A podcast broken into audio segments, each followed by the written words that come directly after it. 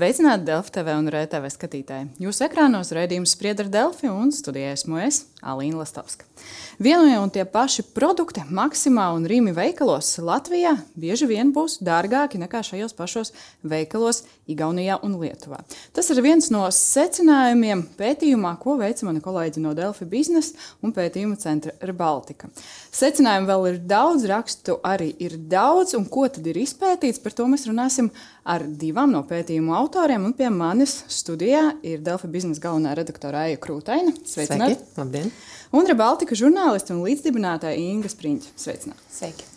Un vispirms par pašu pētījumu, kas tad ir pētīts, kā jūs to visu pētījāt. Jo vienā no ievadrakstiem jums ir teikts, kamēr nesāc to darīt, pārtiku analīze šķiet vienkārši. Kas tad bija sarežģīti?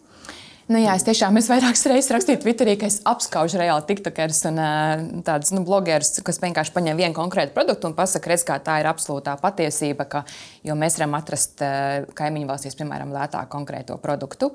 Bet tā problēma sākās tajā visā, ka nu, tā loģika tiešām varētu būt, kā arī mēs to rakstu iesākām. Paņemam viespienu paciņu, nu, kā parādām, cik viņi izmaksā tam, kurš saražo to pienu, kurš saražo to viespienu un cik tad veikals viņu beigās pārdod.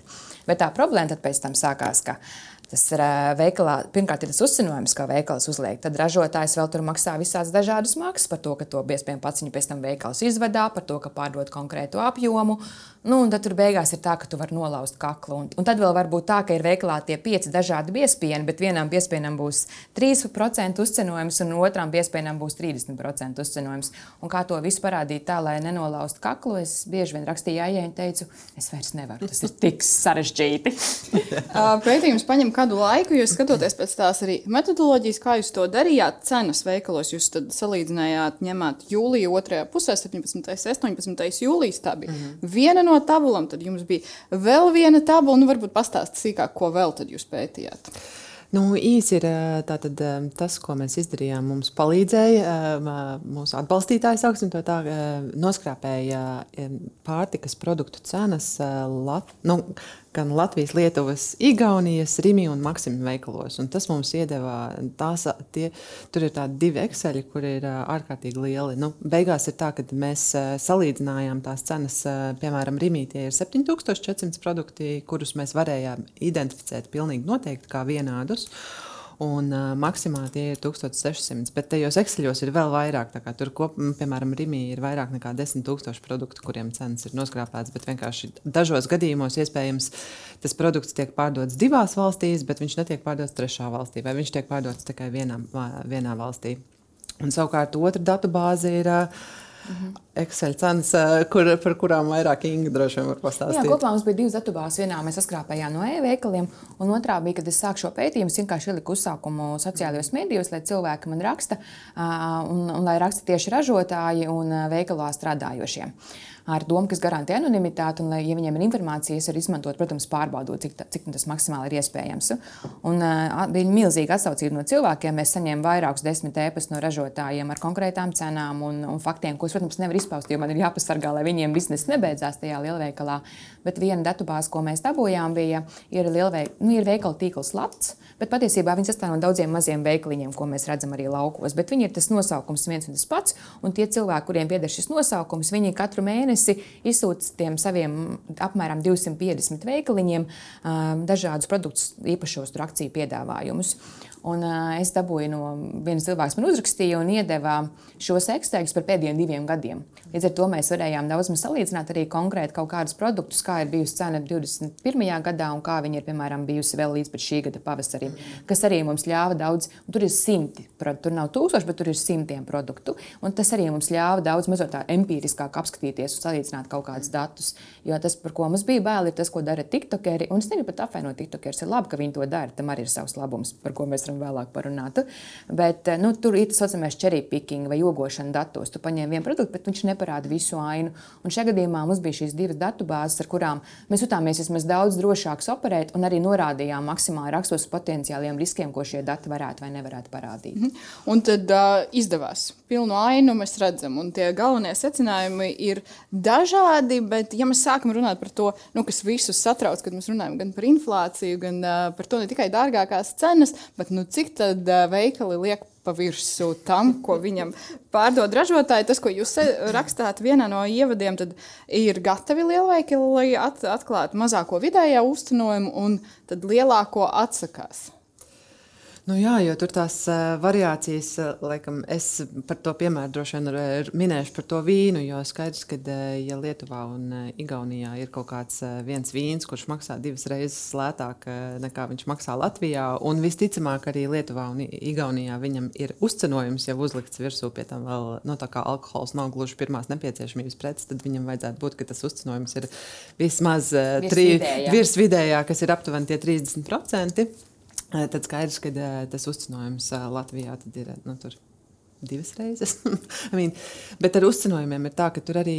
Nu, um, Es teiktu, tā tie drošākie secinājumi ir par uh, pārtikas cenām. Tieši, ja mēs runājam par rīmi un visu, jo par uzcenojumiem ir uh, nu, ļoti, tā, tā, ir ļoti spekulatīva tā daļa. Jo tiešām jo tas, ko mēs varam pateikt, ir, ka nu, no tiem pašiem Latvijas-ekseļiem, kad tur ir tā Latvijas iepirkuma cena un tad, nu, kas ir tā ieteicamā cena, par kuru viņi iesaka pārdot uh, nu, savējās uh, preces veikalos. Un tas, ko mēs redzam, tur ir, kad uh, Tā kā, nu, tās pirmās nepieciešamības preces, eh, preces, kas ir um, nu, ar īsu derīgumu termiņu, kā piens, maize un tā tālāk, nu, viņām ir salīdzinoši nu, līdz 30%. Sanāk, nu, nu, tas, kā... ko jūs arī rakstat, tad vidējais eh, uzcenojums atbilst tam, ko min Jā. paši veikali, Jā. ap 30%, Jā.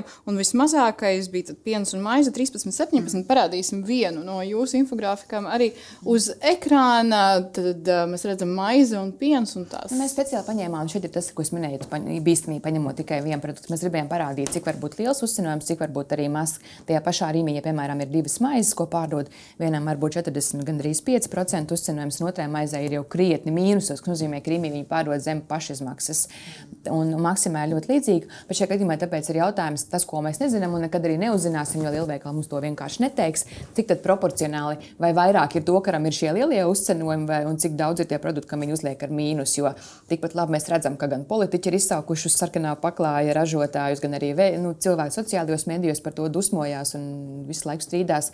Protams, ka Drimī un šiem veikliem ir izdevīgi tīri no tāda PR viedokļa pateikt, jā, bet mums tur ir produkts tāds, kuram ir mīnus 5% uzcenojums un vēl tāds un tāds. Bet jautājums ir par to proporciju. Ja tev veiklā kopumā ir 50 tūkstoši produktu un tu tūkstots kaut vai produktiem uzliec šo mazo uzcenojumu, jautājums ir nu, joprojām par to iespējamo alkatību vai milzīgo vēlmu nopelnīt, tāpēc, ka tu vari nopelnīt. Un no jūsu secinājuma, jums nu, jūs arī rakstos minēt par to proporciju, ka ir svarīgi saprast, nu, cik tad ir uh, produkti, kam ir tas lielākais uzcenojums, un, un sabiedrībai iespēja īsti uzzināt to nav, paši veikali nesaka. Nu, Izdevās izdarīt nu, tādus aptuvenus secinājumus par to, cik lielai daļai produktu tas uzcenojums ir augsts. Mm, Nē, tāda mums tāda nav izdevies. Bet tas, kur tā sajūta ir, kur runā par apmierinātību, tas, ko es teicu, ka man ir vairāk desmit ražotāji. Es ar viņiem runāju. Man vienā brīdī bija sajukums, jo viena saka, ir tā kā ok, tie uzcenojumi, ko liek, viena saka, ka nav ok. Viena saka, akcijas, jo man, tur, kur man tiešām palika sajūta, ka šīs akcijas, ko mēs redzam veikalos, Tas nav lielveikala dāvana, ka viņi uz savu peļņas rēķinu dod šo akciju. Viņi saka, ka viņi dod. Jautājums atkal par proporciju, to arī viņi mums nepateica. Bet nu, tie ražotāji, kuriem es runāju, tas viss bija uz ražotāja rēķina. Un tā atšķirība, ko es beigās sapratu, bija no uzņēmuma lieluma un no produkta, ko tu ražo. Ja tu esi liels un tu ražo, piemēram, nu, produktu, kas glabājas 4-5 mēnešus, nezinu, saldumi, kaut kāda īpaša gaļas izstrādājuma varbūt, tad uh, viņi bija tā kā, varbūt, ok, mēs pieņemam šos noteikumus, jo tas apjoms ir liels, mums ir noliktavas, kur glabāt mēs to varam darīt. Bet kur ir šie lielie uzcenojumi, kur tā pārliecība radās, tās ir ne pirmās nepieciešamības preces, nu, higiēnas preces, kas varbūt ir svarīgas, bet nav gluži gluži tā kā maize un piens tik svarīgas.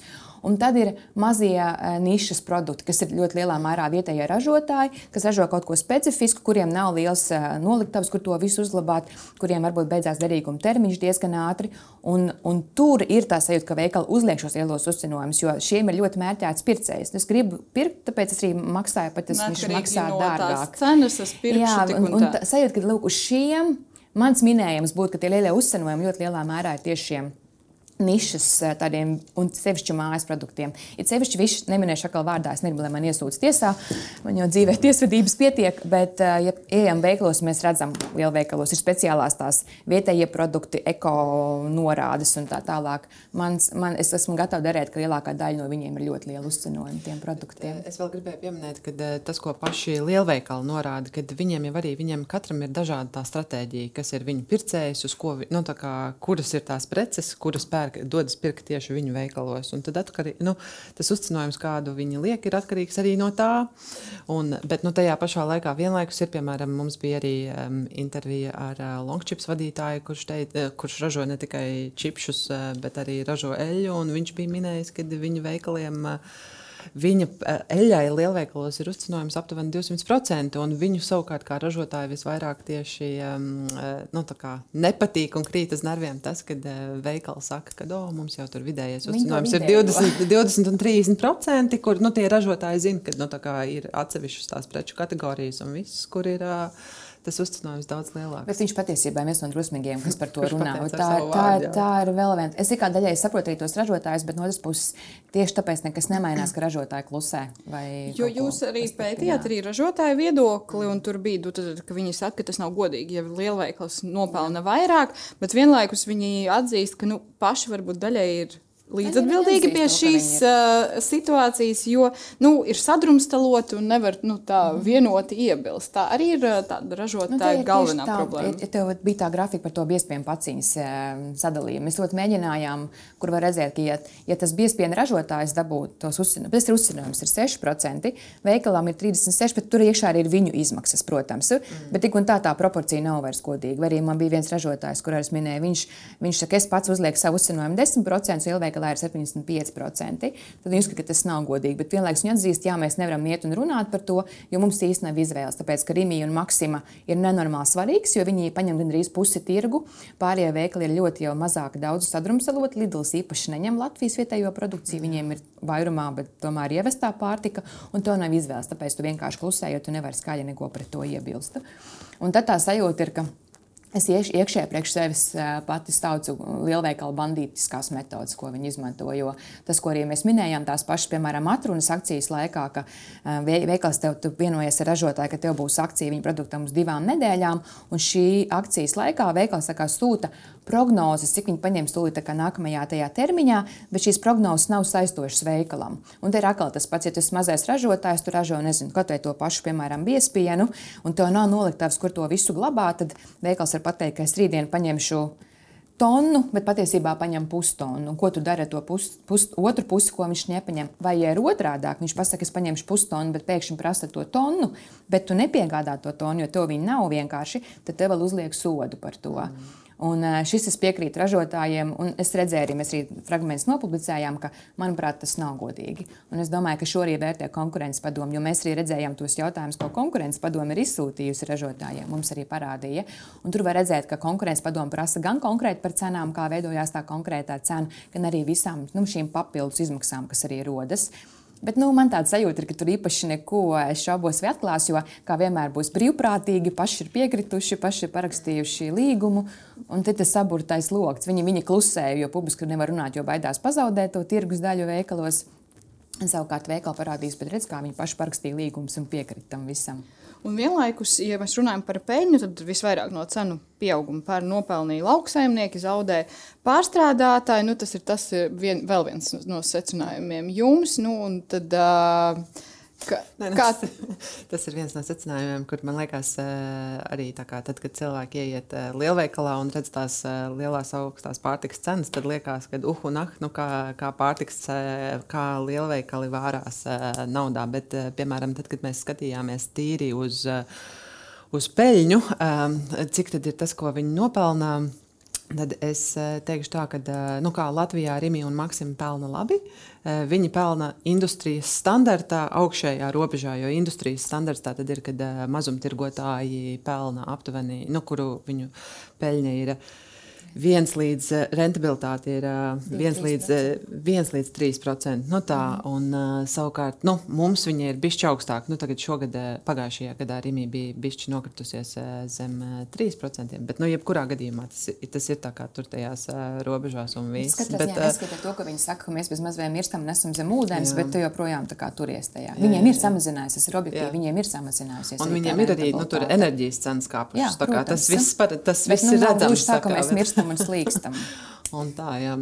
Bet, attiecīgi, tas, ko mēs skatījāmies, ja mēs paskatāmies arī uz tiem pašiem ražotājiem, un nu, lielākajiem ražotājiem, un viss, tad arī viņiem ir ļoti labi gadi bijuši. Jo, še, jo, te, jo tā situācija, kāda viņi ir, nu, kā, cenas aug, kā, visas izmaksas aug, un tā ir, nu, kā tev ir man kā uzņēmējam ir leģitīms iemesls iet un teikt, ka, hei, klausies, bet nu, man ir pieaugušas cenas. Nu, kā, un tad, nu, un tā tā ķēdīte aiziet, un beigās ir vienkārši tas, ka tās, tas, ko šajā situācijā pēc, sanāk, nu, pēc Covid un pēc pandēmijas, kad ir arī bijis. Um, ļoti liels atbalsts no valsts puses iedzīvotājiem, un attiecīgi tev kaut kādi uzkrājumi ir šajā laikā izveidojušies, ir bijis salīdzinoši vienkārši šo izmaksu kāpumu pārnest tieši uz patērētāju, prec, eh, patērētāju pleciem. Kopējais secinājums ir, ka pelna visi. Eh, iz, iz, iz, iespēja nopelnīt, izmanto visi. Nav jā. tā, ir arī uzņēmumi, kuriem ir zaudējumi. Nav, mēs nesakām, ka visi atka, Bet arī ir visās kategorijās. Ir atkarīgs arī no nozares. Piemēram, pastamies lauksaimnieki, nu, ko pareizi mēs varam arī parādīt to grafiku par pārtikas cenām, kur jā, mēs nu, varam redzēt gan ražotāju šeit. Gan, mazāk var redzēt tieši tos uh, ražotāju izmaksas, jo viņiem, viņiem ir straujāk uzkāpa, viņiem arī visvairāk ir nokritis. Bet redzam, ka cenas veikalās tās joprojām stāv augšā, un viņas diezgan ilgi vēl joprojām nebija nokritušas. Bet tas, ko es saku, šeit ir, ka iespēja nopelnīt izmantoja visi, ko mēs nevaram biznesam pārmest. Tāpēc, ja tu veidoji savu biznesu, lai to varētu izdarīt, bet jautājums ir par nozarēm. Arī vakardien man rakstīja viena sieviete pēc mūsu rakstu publicēšanas. Viņa, viņa konkrēti audzē smiršķēršļus. Viņa saka, man ir tikai samazinājusies iepirkuma cena. Es saku, jā, tā varētu būt, bet mēs, kur paņēmām zemnie, zemnieku saimniecības, desmit lielākās pēc apgrozījums, visiem ir peļņa. Manuprāt, pat top 20, ka mēs paņēmām, visiem bija peļņa. Pamatā tur ir graudkopi, kopi, nedaudz lopkopi, pienkopi. Tas ir atkal pa kurām nozarēm tu skaties. Ja paskatāmies no ražotājiem, jā, piemēram, ir ķekaus putnu fabrikā, food union, kuriem ir zaudējumi.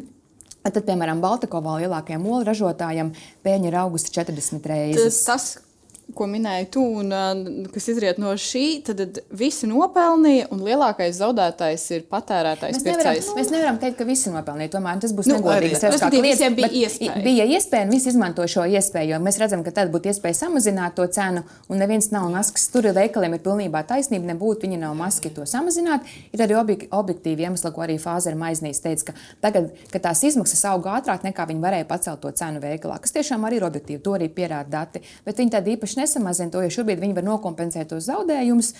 Un tad kopumā, ne, neminot konkrēts, bet ir teikt, ka tu vari paņemt. Tas pats nu, Baltikovā, ko es iesāku. Ja?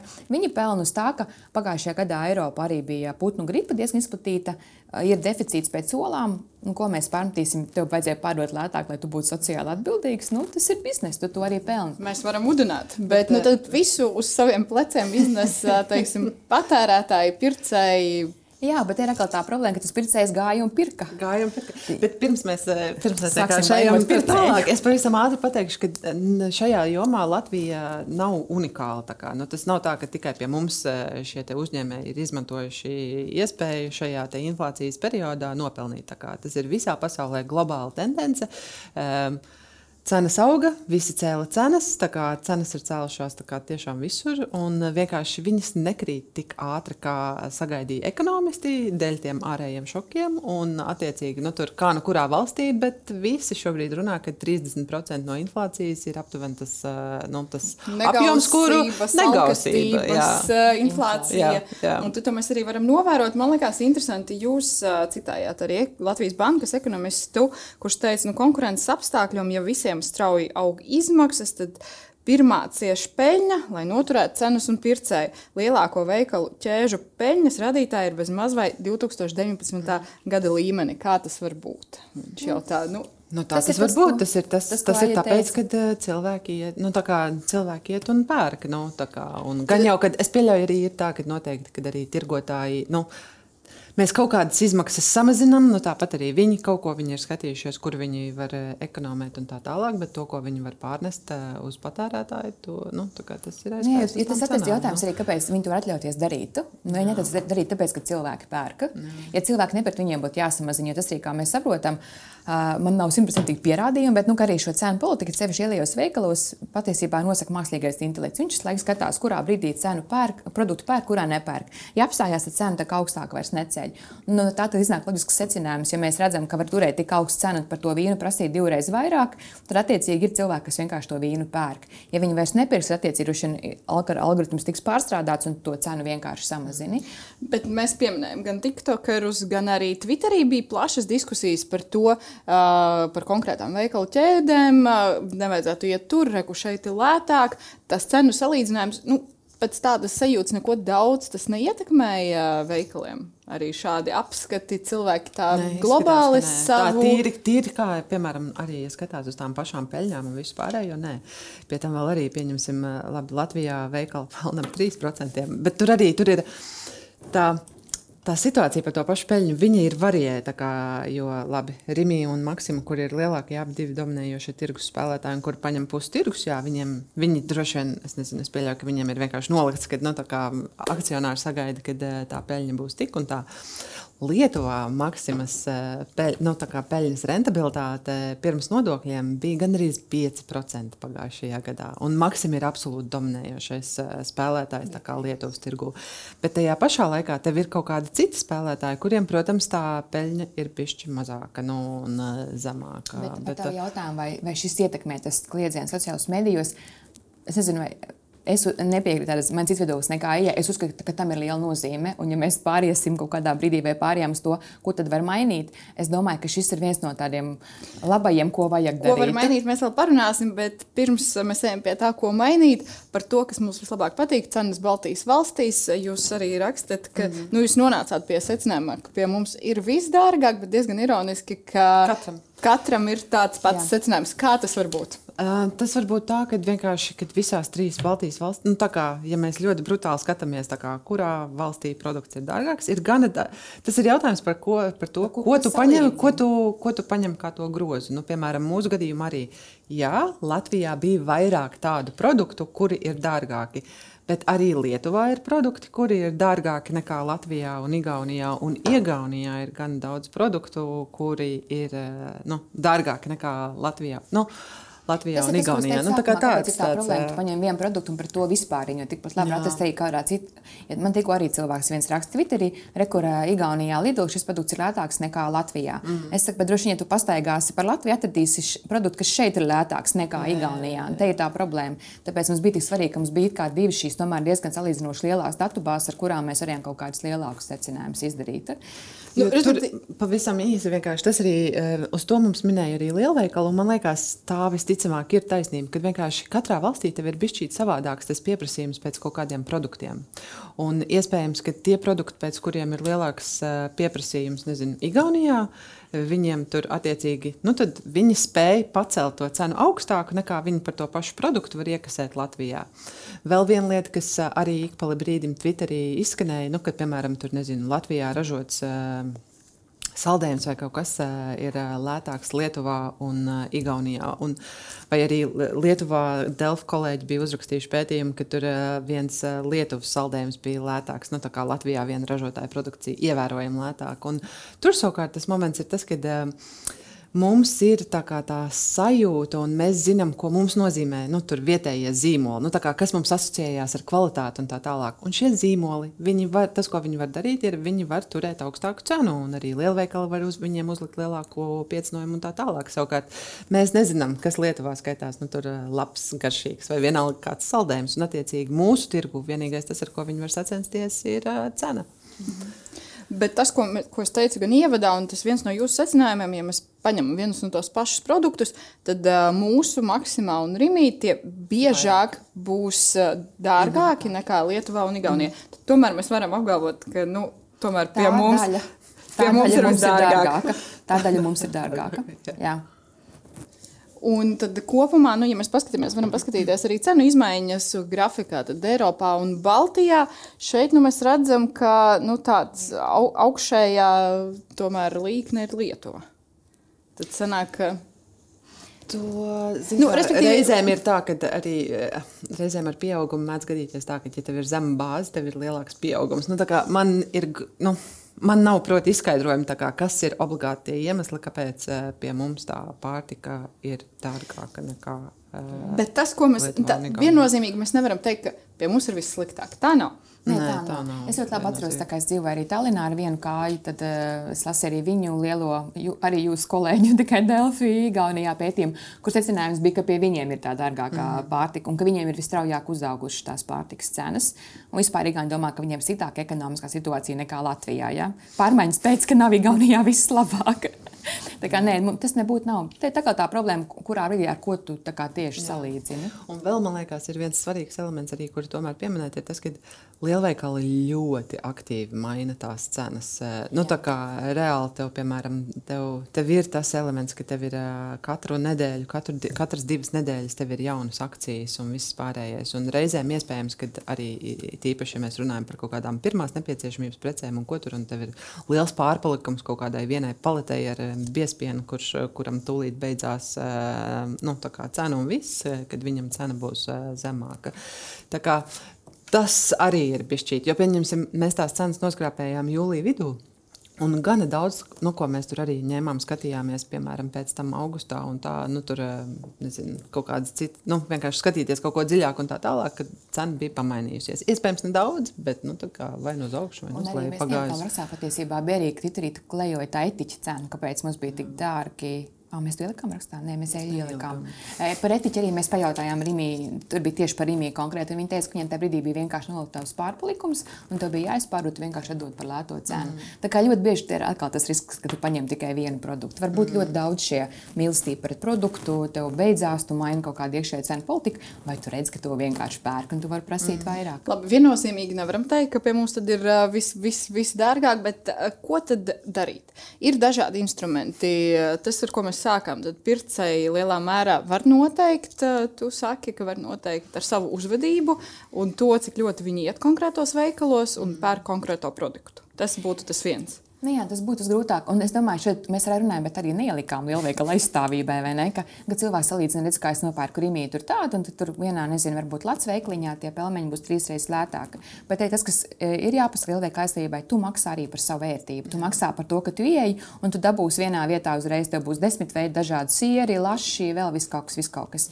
Tā kā tas viss veiklā maksā, jo liela daļa viņi izmet ārā, un mēs arī par to samaksājam, par to produkciju, ko viņi izmet ārā. Tā kā tas, tas ir viens, ja tu gribi. Tad arī vēl viens viens no secinājumiem tā viennozīmīgi jūs neteiksiet, jāiet tikai uz šo nē, veikalu, nē, un tad jūs pilnīgi, būsiet pilnīgi ieguvēji. Pilnīgi noteikti. Nē, man liekas, arī viens no maniem secinājumiem bija skatoties tur arī kaut kādas akcijas cenas un vispārējais. Nu, tā kā šonadēļ akcija, tur nezinu, Jākabs kafijai ir vienā veikalā, nākamnedēļ viņa būs cita, tre, otrā veikalā un pēc tam trešajā veikalā. Tā kā tās akcijas, viņas arī ceļo pa tiem veikaliem. Un tas ir arī tas, nav tāds baigi foršs secinājums, nu, ko patērētājiem darīt. Nu, tas ir par to, ka eh, nu, tu gribi, pirkt, gribi lētākus dārzeņus un ko tur. Nu, visticamāk, ka īpaši tagad sezonas laikā ir labākais, kur viņus uh, iet un pirkt, ir tirgus, piemēram, vai ne. Tur, izvēlēties kaut kādas, jāsako līdz tām akcijām un jāstaigā vienkārši pa veikaliem. Es vienlaikus nu, domāju, ka, ir, eh, ka bija, lai arī es, man nav empirisks pierādījums, es domāju, ka bija nozīme tam, ka bija šis troksnis sociālajos mēdījos, jo arī mūsu politiķi, cik nu, viņiem ir laika iedziļināties un izglīt, attīstība konkrēti ekonomiskajās jomās un vēl kaut kā. Ja viņi redz, ka tas tetiķis klejo un viņš ir tur dārgāks, un tad tur eļļa atšķirās tās cenas, nu, pēc tam viņi tomēr izstāstos ražotājs arī pie sevis atnāk aprunāties. Pēc tam rezultātā konkurences padoma kaut ko sāk darīt. Es domāju, ka arī šīm eh, sociālo mediju aktivitātēm, lai arī viņas iznāk daļai populistiskas un neobjektīvas, un vēl kaut kā, ka ir labi par to runā. Jo latviešu ielās mēs neiesim, to mēs jau zinām, tur ir jābūt nes kaut kam. Tas šajā gadījumā arī tomēr dumpis eh, Facebook un Twitter, manuprāt, arī ir kaut ko nostrādājis.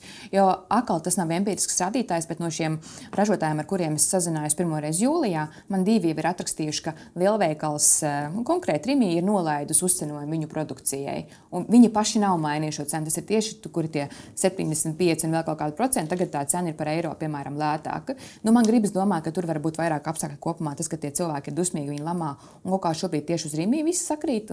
Ir faktori, kas rāda, kāpēc tiešām arī Rīgā būtu tā, tā kritika pelnīta.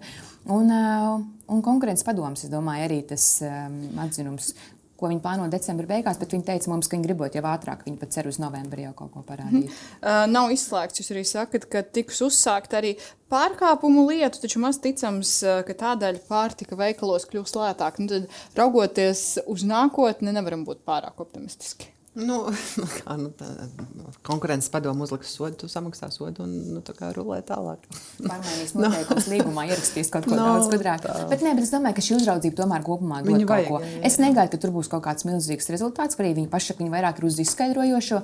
Es nezinu, vai tas padarīs patērētāju laimīgāku, ka viņam izskaidros, kurā brīdī kaut kas. Bet tik un tā ir kaut kāda lielāka atklātība, un es ceru, man būtu lūgums, lai viņi maksimāli maksimāli, ne minimāli anonimizē, ja, lai nu nav pilnīgi kaut kāda abstraktie sieri un nezināmie kartupeļi un vēl kaut kas, bet tas tomēr iedos to publisko spiedienu. Es domāju, ka vajag šo publisko spiedienu nemitīgi. Es neticu, ka, var, ja tas jautājums ir par valdību, ko var darīt. Par valdību mēs vēl parunāsim. Valdībā ir daudz instrumentu nosacīti, eh, par ko runā un min un pieprasa ir nodokļu likmes, ir cenu griezti, ir vēl kaut kādas opcijas, laikam, nu, par PVN pārtikai. Daudz runājām, bija mēģinājumi, un ir cilvēki, kas saka, jā, tas dod ieguvumu patērētājiem. Mums arī divas ministrijas ir atšķirīgos viedokļos. Un Finanšu ministrija pasaka, parasti saka, ka patērētājiem no tā ieguvuma liela nav. Mm -hmm. nu, vai tas būtu instruments, ar ko strādāt Latvijas tirgū? Mūsu secinājums bija tāds, ka nebija īpaši Baltijā tā, nu, tā kā atšķirība, kad dēļ tā, ka mums uh, ir samazinātais tas PVN tur sezonai, sezonas uh, dārziņiem un augļiem, ka tās cenas būtu īpaši lētākas nekā Lietuvā un Igaunijā. Nu, man tā sajūta, ka tomēr pēc tam atkal samazinās bet to paņem tie ražotāji sev, kā, lai nosaka kaut kādu savu to daļu. Man, nu, man nav bijis pārliecības, ka tas tādās, bet es neesmu ekonomists. Bet es mēģināju lasīt to atzinumu, jo tieši tikko Zemkopijas ministrija bija izstrādājusi maijā, jūnijā to atzinumu uz entajām lapām, kuras neko nesapratu. Es arī uzrakstīju, palūdzu, pasakiet man cilvēku valodā, strādā vai ne, un vai cenas bija mazākas. Tad izrādījās, ka cenu mazinājums nesot pat bijis pats svarīgākais. Svarīgākais ir bijis attīstīt nozari. Mm. Nu, tad, kad mēs redzam, ka tur kopumā Zemkopijas ministrija, nu, kur arī par to iestājas, viņi saka, to vajag turpināt. Finanšu ministrija saka, ka viņi īsti neredz, ka tas nav attaisnojies savā būtībā. Un jūs pētījumā arī sakat, ka PVN samazinājums Latvijas dārziņiem nav attaisnojies. Nu, to, nu, mēs neesam eksperti. Mēs varam, mēs varam teikt to, ko. Tiem no tiem produktiem, tad tā neizskatās. Tā neizskatās. Bet mēs dzirdam, ka bieži vien nu, izskan no politiķiem tie saukļi dažādām pārtikas grupām. Pirms, arī pirms budžeta izskatīšanas, un ļoti bieži tad, nu, laikam tas nebūs tas instruments, uz ko jāskatās. Vēl viens nu, cenu griezt konkrētiem produktiem. Vai tas uh, kaut ko varētu ietekmēt, un tas varētu strādāt? Ja mēs nosakām griestus vienām, vieniem produktiem, vai tas uz tā rēķina neaugs citas cenas? Visticamāk, augsts, un visticamāk, es neredzu, ka Latvijā kāds būtu tik drosmīgs kaut ko tādu izdarīt. Galvenais, ka arī pasaulē īstenībā tas tāds un nav. Nu, mēs Eiropas Savienībā tā ir Ungārija, kas kaut ko tādu ir mēģinājusi ar savu supermilzīgo inflāciju, bet nu, to neuzskata par veiksmīgu to rezultātu, jo Ne, un arī tāpat Francija, kur bieži min kā piemēru, kur eh, de, nu, sanāk, tas bija jūnijas, kad eh, tas eh, Francijas, ja nemaldos, finanšu ministrs vai kā viņš ar, skaļ, ar lielu pompu paziņoja, ka viņš ir lienāj, vienojies ar 75 ražotājiem, ka viņi kā, samazinās tās savējās cenas un ko tur.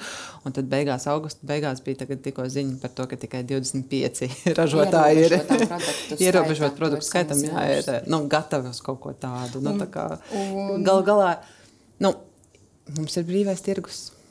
Un vienlaikus jūs citējat uh, mūsu pašreizēju, un kā izskatās arī topošās valdības finanšu ministru Arvilu Ašrādenu, kurš nu, plāno tikties pēc jaunās valdības apstiprināšanas ar lielveikalu vadību, lai vienotos par pasākumiem pārtikas inflācijas mazināšanai.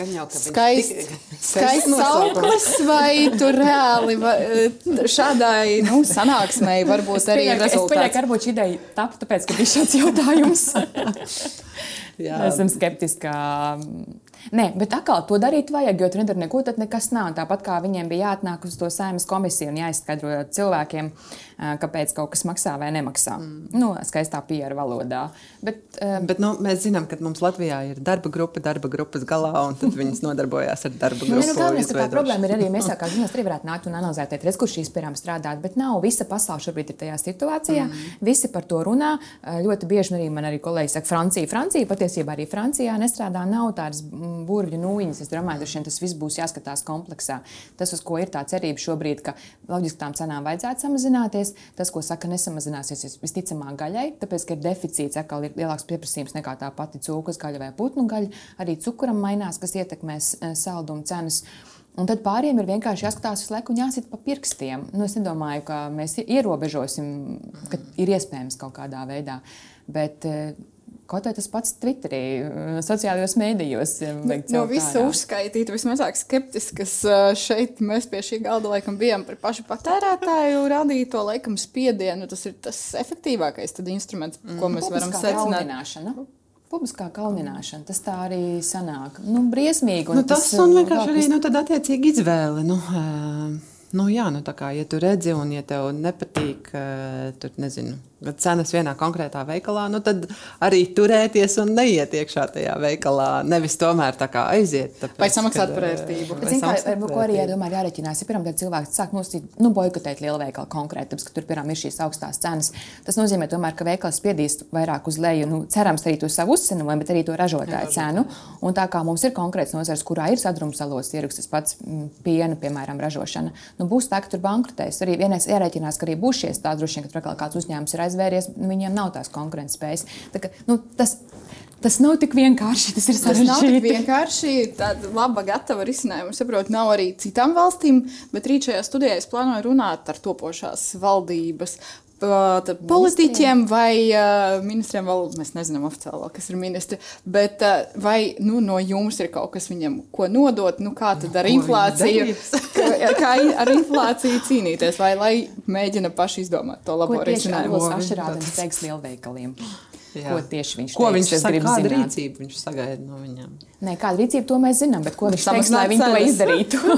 nu, bet tad vienīgais ir tāds rekomendējošs, ko viņi valdība var darīt, un politiķi rekomendēt, aicināt parakstīt memorandus ar lielveikaliem. Ne, tad... Viņiem ir jāskatās mm. līdzi, vienkārši tiešām jāskatās līdzi. Es domāju, ka arī šiem konkurences padomē vajadzētu regulāri skatīties līdzi. Mm. Nevis būt tikai pieiet, ka reizes gadā, es saprotu, tas viss maksā naudu, bet ir jābūt kaut kādam uzraugam, lai, bet lai visi, visi ķēdes posmi, tikai lai veikali, lai viņi jūt, ka ir tas telpa pakausī, un tad ir jāskatās. Es ir, ir kapitālisms, bet ir brīži tāpat kā, piemēram, mana otrā mīļā tēma, ātrie kredīti, kur tev ir jāpieslēdzās, kur nevar brīvā kapitālismā vienkārši visu palaist. Un viņiem ir jābūt sajūtai, ka kāds skatās visu laiku uz pirkstiem, un to darīja gan politiķi, gan arī cilvēki. Nu, pie šī aicinājuma mēs raidījumu arī noslēdzam. Paldies jums par to, ka atnācāt šodien pastāstīt par savu pētījumu. Paldies jums, ka skatījāties un uz tikšanos jau rīt.